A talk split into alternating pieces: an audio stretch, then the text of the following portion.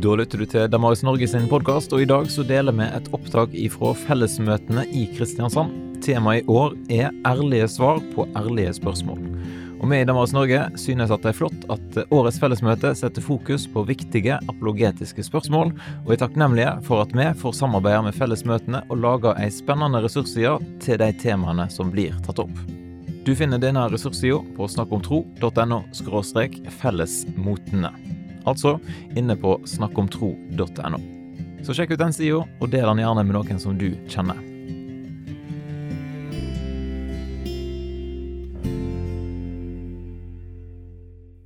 Noen som kjenner igjen disse her? Jeg vokste opp med dominobrikker. Og det som er interessant, det er at grunnen til at den dominobrikken faller, er fordi at den foran faller. Og grunnen til at den falt, var fordi den foran falt. Og sånn tenker vitenskapen også. At alt har en årsak. Alt er på en måte en grunn til at skjer. Men det som er interessant, er at eh, årsak til selve universet, det tenker man at ikke skal ha en vitenskapelig forklaring. Det jeg tenker, hva er den første årsak? Det som får rett og slett den første dominobrikken til å falle. Det kaller vi for Gud. Den første beveger. Den første årsak. Den som er årsak til at alt er her. Den som er årsak til at det fins en forklaring i det hele tatt, er Gud. Og så begynner vi å stille spørsmål om trenger vi en forklaring på hvorfor vi er her, på universet. Er det fornuftig å tro på Gud? er temaet nå, den første kvelden her i fellesmøtene. No surprise ja. Og jeg er ikke alene om å mene det. Faktisk så er det sånn at Komikeren Harald Eia han sier det i et intervju til Vårt Land. Så forklarer han det at når han var på videregående skole, så ville han starte et parti som heter Fornuften seirer. Og Da ville han vise at han kunne overbevise om at dette ikke var sant. Han ville tilkalle den lokale pastoren eller presten. Og så ville han bruke han visste ikke hvor lang tid, men kanskje en halvtime, en time. Og så ville da presten grine. Det tenkte han. Og så var han usikker på om han skulle trøste han eller ikke. Dette sier han i Vårt Land-intervjuet, og jeg synes det er interessant, for mange har nok en sånn tanke. Og Så sier han videre at han begynte på universitetet. Begynte å studere filosofi og møtte der filosofiprofessor Egil. Willer. Som gjør at han for første gang møter smarte kristne som på en måte utfordrer den tankegangen. Og så opplever han da det var første gang jeg møtte smarte kristne. Her kom jeg helt til kort, og jeg forsto at den naturvitenskapelige kritikken min hvor jeg hadde kjøpt ideen om at det var en stor konflikt mellom tro og vitenskap, ble for banal. Nå er ikke Harald Eie noe profilert religiøs, eller noen som helst måte, men det som er interessant, det er at han i hvert fall legitimerer at det er ikke noe konflikt mellom vitenskap og tro. De utfyller hverandre. For det å tro på Gud latterliggjøres på en måte i samfunnet. Vi opplever at um, det kan være litt sånn i media eller på arbeidsplass, skole, der vi er så kan vi oppleve at man kan bli litt latterliggjort for tro. Og Det er mange som snakker høyt om at de ikke tror. For det er jo akseptert. Men du skal ikke snakke høyt om at du tror. Og da er troen en privatsak. Og det er interessant, dette. For da er det plutselig noe som er sant, og noe som på en måte er tro. Mange kristne de forlater faktisk troen i møte med studier. Og det, det må jeg respektere. Og Gud respekterer det. Han har tross alt gitt oss en fri vilje for ikke påtvinge oss sin kjærlighet. Så det er greit, men jeg har lyst til å utfordre deg til å være så fair at du leser forsvar for kristen tro på et like høyt nivå som de innvendingene du møter. Så at du ikke lar barnetroen møte innvendinger som et mye høyere nivå. Da må du se at her fins det gode svar i møte med dine spørsmål. Og Det er litt av hensikten også at vi har lyst til å ta opp dette denne uka. her. Vise at det er gode grunner til å tro. Hvis du er her og sier at du ikke tror på Gud, så har jeg lyst til å utfordre deg litt. Fortell litt om den Gud som du ikke tror på. For mest sannsynlig tror ikke jeg heller på han. Er du med? Hvorfor skal vi ta for gitt, for gitt at vi snakker om det samme? Hvis noen sier 'jeg tror ikke på Gud', og så sier jeg 'jeg tror på Gud', da må du først høre litt om den Gud som ikke vi tror på. for å finne ut om jeg tror på han eller ikke. For det jeg snakker om nå, er egentlig gudsbildet. Vi har forskjellige bilder av Gud, og da er det noen bilder av Gud som jeg aldri vil tro på. Men la meg heller få lov til å fortelle litt om den Gud som jeg tror på. Og da, vi, da er ikke sånn at jeg, jeg har lyst til å utfordre deg i hvert fall på det, sånn at du våger å stille spørsmålstegn ved ditt eget bilde av Gud. Jeg tror mange har gitt Gud en sjanse. Men kanskje fordi Gud ikke svarte på deres premisser, så ga de opp. Så ga de Gud opp. Men hva om Gud har en grunn til å gjøre det på sin måte? Hva om det er sånn at du akkurat nå ikke ser den store og hele sammenhengen, selv om du liker å tenke at du gjør det? Da skal ikke jeg stå her som en bedreviter og fortelle at jeg har gjort det. Nei, jeg har bare lyst til å utfordre deg kan det være at vi prøver Altså prøver å utvide litt og våge å utfordre i hvert fall det standpunktet vi har. Og det må jeg være villig til å gjøre som kristen. Jeg kan ikke gå med noen skylapper og si at nå vil jeg aldri høre på noe annet. Men jeg må være, våge å innse at jeg kan ta feil, fordi jeg tror det er noe som er sant. Da er det viktig å understreke at det ikke er mulig å bevise Gud. Vi kan ikke med to streker under svaret vise at Gud fins, på samme måte som vi heller ikke kan bevise at Gud ikke fins. Når det da handler om å bevise med mål og veie og vitenskapelig to streker under svarbevis. Det går ikke for noen av delene. Da må vi heller legge fram hva er det som gir et best bilde av virkeligheten. Hva er det som er mest sannsynlig i forhold til sånn som du opplever verden? Og Da syns jeg det er gøy å kunne utfordre litt og se at vi må, vi må ha litt større bilde enn å bare si at jeg relaterer meg bare til det som vi ser her nå. Det er helt greit. Men hvordan forklarer du at alt er blitt sånn det er blitt?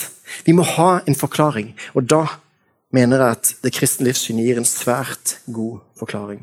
Jeg tror ikke på noe overnaturlig. Nei, hva er egentlig overnaturlig, da? Er det alt som ikke kan forklares? For etter hvert som da vitenskapen har funnet ut mer og mer, så, så har vi jo forklaringene. på en måte. Da er det jo ikke noe overnaturlig lenger.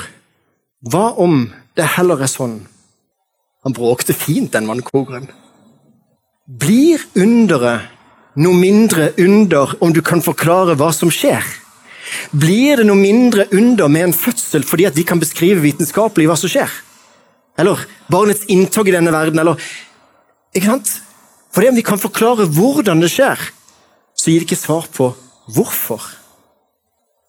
Så hvis Gud har blitt brukt som en sånn fyllmasse i vitenskapens kunnskapshull? En masse hull som vi har i kunnskapen, og Før i tida så putter vi Gud inn i det hullet, og når vi nå skjønner mer og mer, så trenger vi ikke Gud lenger. Men det er ingen som har en sånn tro. Det er jo ikke der vi har putta inn Gud. Kanskje det fins noen spørsmål som ikke vitenskapen er i stand til å svare på. Og Det er ikke bare noe jeg sier som kristen, det er faktisk vitenskapen sjøl som sier det. At vitenskapen skal ikke gi hvorfor-svar på den måten at man skal Sånn livssynssvar. Det er snakk om hvordan ting skjer. Hva, det, det, skal vitenskapen svare på. Men hvorfor det skjer, da er vi over i livssyn. Hvorfor koker vannet? Da kan vi i en naturvitenskapelig forklaring. Jeg kan ikke helt konkret, men jeg tenker jo at her varmes vannet opp. Vannet, molekylene utvider seg, det går over fra, fra væske til gassform, og så ser du at det skjer noen sånne bobler. Hvorfor koker vannet? Da har jeg gitt dere en forklaring på det. Det fins også en annen forklaring, eller en annen svar på det spørsmålet. Og det er at jeg har lyst på en kopp med te. Er dere med? John Lennox, en av de fremste vitenskapsmennene, han svarer på denne måten i forhold til det spørsmålet. Da må vi la vitenskapen svare på det som man skal svare på. Og så lar vi det være spørsmålet om hvorfor. Da går vi over i livssynskategori. Vannet koker fordi jeg har lyst på en kopp med te.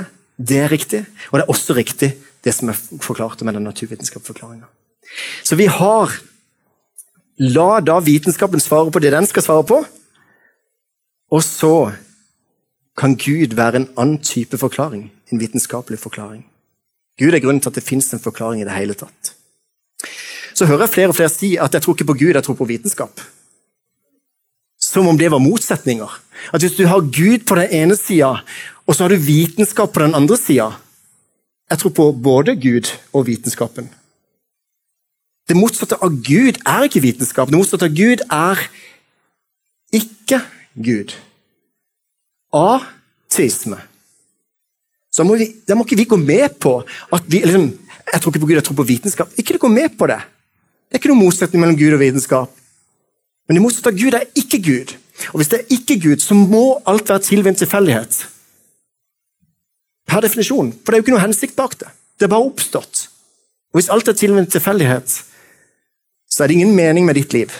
Du må bare fylle livet ditt med mening. Det er ingen hensikt. Liv er oppstått av dødt materiale. Vi bare er her. By chance. Det er det motsatte av Gud. Ikke Gud. Atisme. Ikke håp. Ikke Ikke sant? Hvis vi da tenker at de kan få lov til å sette de to mot hverandre, så vil jeg være det første til å si jeg har ikke nok tro til ikke tro. Jeg har også møtt flere som sier at de vil ikke tro før de får bevis for ting. Jeg vil ha bevis, jeg vil ha bevis, bevis, bevis. Så skal jeg tro. Men ingen kan leve konsekvent etter det prinsippet der. Vi lever i tro hver dag.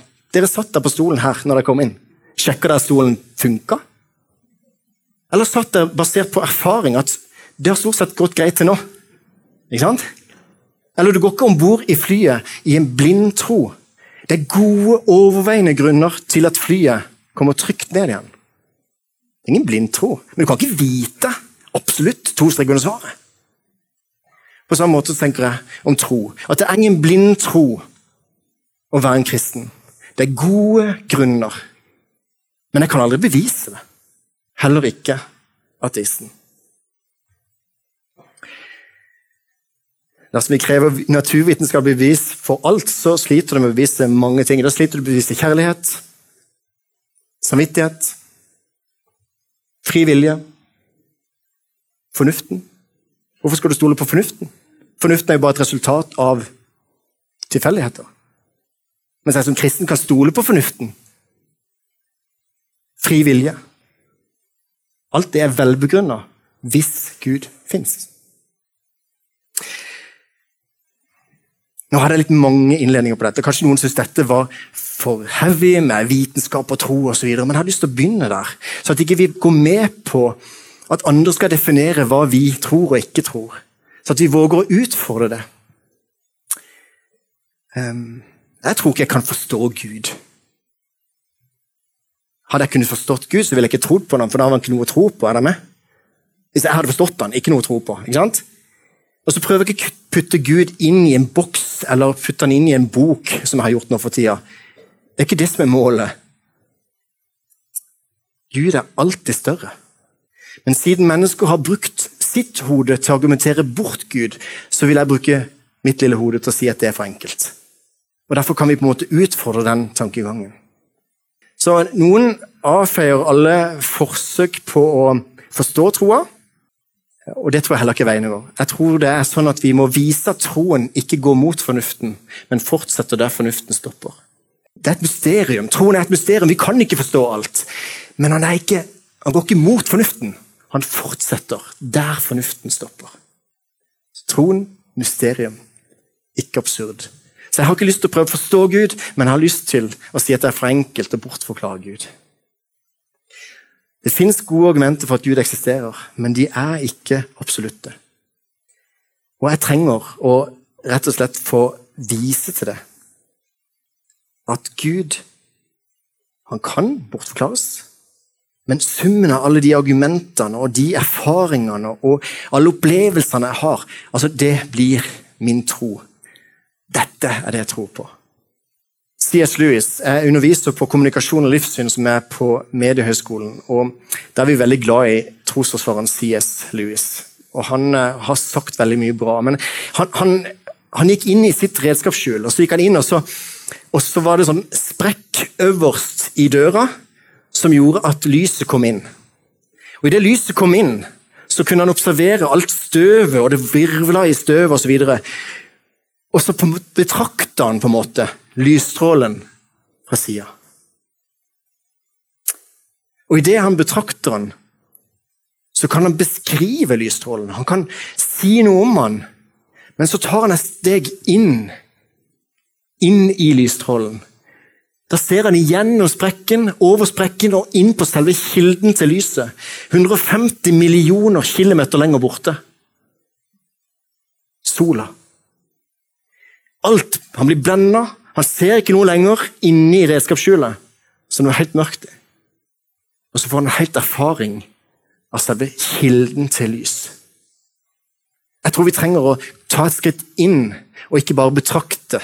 Ikke være en betrakter som bare ser det utenfra, men ta et steg inn og erfar. Dersom du sier at du ikke tror på Gud, så har jeg lyst til å utfordre deg. Følg Jesus en liten periode. Det er ikke snakk om tro. Jesus utfordrer aldri noen til å tro på seg før de hadde fulgt han en periode. Det er ikke lett å si 'tro på meg' før du har sett om han er troverdig. Og når du finner ut at han er troverdig, så kommer troen. Men da må du utfordres til å følge Jesus en periode. Gjør det. Enten du er muslim eller ateist eller kristen og trenger å følge en liten periode til for å se om dette er noe du kan gi livet ditt til. Men det å følge Jesus, det kan vi alle gjøre. Han har tross alt berørt milliarder av mennesker, denne mannen Jesus Kristus. Jeg har en kamerat på, på Flekkerøy, en studiekamerat som jeg synes tar veldig veldig gode bilder. Frank Otto Pedersen. Han hjalp meg med en illustrasjon. Her har han tatt bilder i Alpene i Italia. Og hvis jeg ser nå Se der. Sånn er det når vi ser på en himmel. En flott dag. Vi kan se en eller annen stjerne på himmelen. Men fordi vi er så forurensa av alt lyset, så vil vi ikke kunne se hva som virkelig skjuler seg egentlig på himmelen. Det samme bildet er tatt, med en helt annet lynsømfintlig linse som tar inn mer lys. Og jeg tror, folkens, at vi er litt lysforurensa. Vi ser ikke skogen for bare trær. Vi ser ikke Gud for bare under. Vi klarer ikke å se at Gud faktisk er her, på dette sted. Og Hvis jeg nå tar et hakk tilbake igjen ikke sant? Ser dere forskjellen? Det er samme himmel. Men kanskje det ser litt mer mørkt ut på din himmel. Du må få tuna deg inn. Du må få se at Gud er der på dette sted. Hold opp og kjenn at jeg er Gud, står det i Salme 46, 11. Hold opp. Kjenn at jeg er Gud. Kanskje det egentlig handler mer om å stoppe opp og, og kjenne at Gud er Gud. Kanskje det er først når hverdagen din stopper opp, for den er så travel. Kanskje det er først når du stopper opp i hverdagen din, enten at det skjer noe veldig veldig, veldig fint, eller at det skjer noe som er drit i denne verden. Unnskyld uttrykket. For det er av og til når det er noe som får oss til å vekkes opp, enten ved en, ved en fødsel altså Alle blir jo kristne en liten uke idet du blir forelder. ikke sant? Og, og, og, så har du på en måte Når en sitter i, i begravelsen Hva er meninga med livet? Hvorfor her? ikke sant? Og så videre, og så videre. Jakob i Det gamle testamentet han konkluderte på denne måten her. Etter å ha hatt et møte med Gud så sier han i første Mosebok kapittel 28 vers 16 Sannelig, Herren er på dette sted. Og jeg visste det ikke. Folkens, Herren er på dette sted. Og jeg visste det ikke. Vet ikke. Vet du det? Er du klar over at Gud er her nå? Dette tallet her, 7 med 23 nuller bak, det var det jeg fikk lest i Illustrert vitenskap for en tid tilbake. igjen. Så mange stjerner fantes det som var observert. Altså, Ikke direkte alle telt sånn, på den måten der, men, men dette var det synlige antall stjerner i universet. Og så, i juli nå i 2022, bare halvt år siden, så var det Web Space Telescope som hadde nådd mye lenger ut enn noensinne. Og så ble det publisert bilder som bare var helt amazing. Helt rått å se. Hvor det aldri var blitt tatt bilder av før. Det snakkes om det 13 millioner lyser ut i verdensrommet. Det er helt rått. Jeg kan bare vise noen av disse bildene, for dette har også et infrarødt lys ved dette kameraet som gjør at du fanger opp ting som ikke kunne fanges opp hvis ikke. Og jeg tenker at Gud, han er enormt stor. Det blir kunstverk av dette her. Og så midt oppi dette så vil jeg si Det er min påstand, men jeg vil si at himmelen den kunngjør Guds ære. Hvelvingen forteller hva hans hender har gjort. står det i Salme 19, vers 2.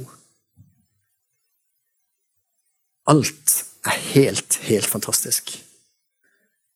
Og ikke nok med det. Midt oppi dette enorme universet, unnskyld uttrykket, men i dette så er du helt ubetydelig. Du er ingenting i vitenskapelige termer. Men så kommer da det bibelske budskapet med at det er enormt univers. Men midt oppi alt dette så er du uendelig verdifull. Når jeg ser din himmel, sier salmisten i vers 8, eller salme, nei, unnskyld, i salme 8 Når jeg ser din himmel, et verk av dine fingre, månen og stjerner som du har satt der, hva er det at menneske at du husker på det? Et menneskebarn at du tar deg av det? Du satte ham lite lavere enn Gud og kronet ham med herlighet og ære. Gud er stor. Hvorfor lever vi som om Gud ikke finnes? Gud er stor. Men hvor, hvor stor tillater du han å være i ditt liv? Gud er stor. Han er på dette sted. Vet du det?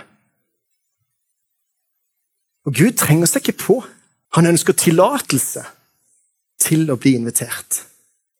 Så inviterer han oss inn til fellesskap med seg. Gud er ikke bare der ute. Han kom ned, ble en av oss, har invitert oss til fellesskap. Og den invitasjonen her er takker ja til. Jeg er så takknemlig for at Gud ønsker en relasjon til hver enkelt av oss. Gud har gjort det mulig å finne ham. Men han har også gjort det mulig at ikke du måtte finne ham, at du bare er blitt tvunget til å finne ham.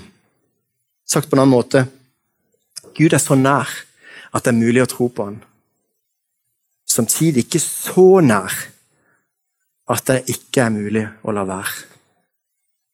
Det er friheten. Det er kjærligheten. Det er friheten Gud har gitt oss.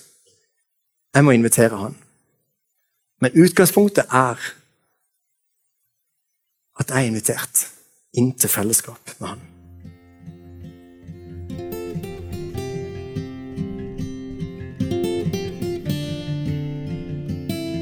Takk for at du lytta til denne episoden her på Damaris Norge sin podkast.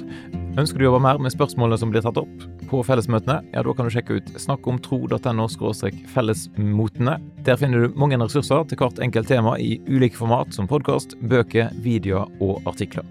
Her kan du få repetert noe av det du har hørt, eller du kan dykke enda dypere ned i disse spørsmålene. Og forresten, helt til slutt, kjenner du noen som burde ha hørt denne talen her? Da har jeg lyst til å oppfordre deg til å ta kontakt med dem og del denne episoden med deg.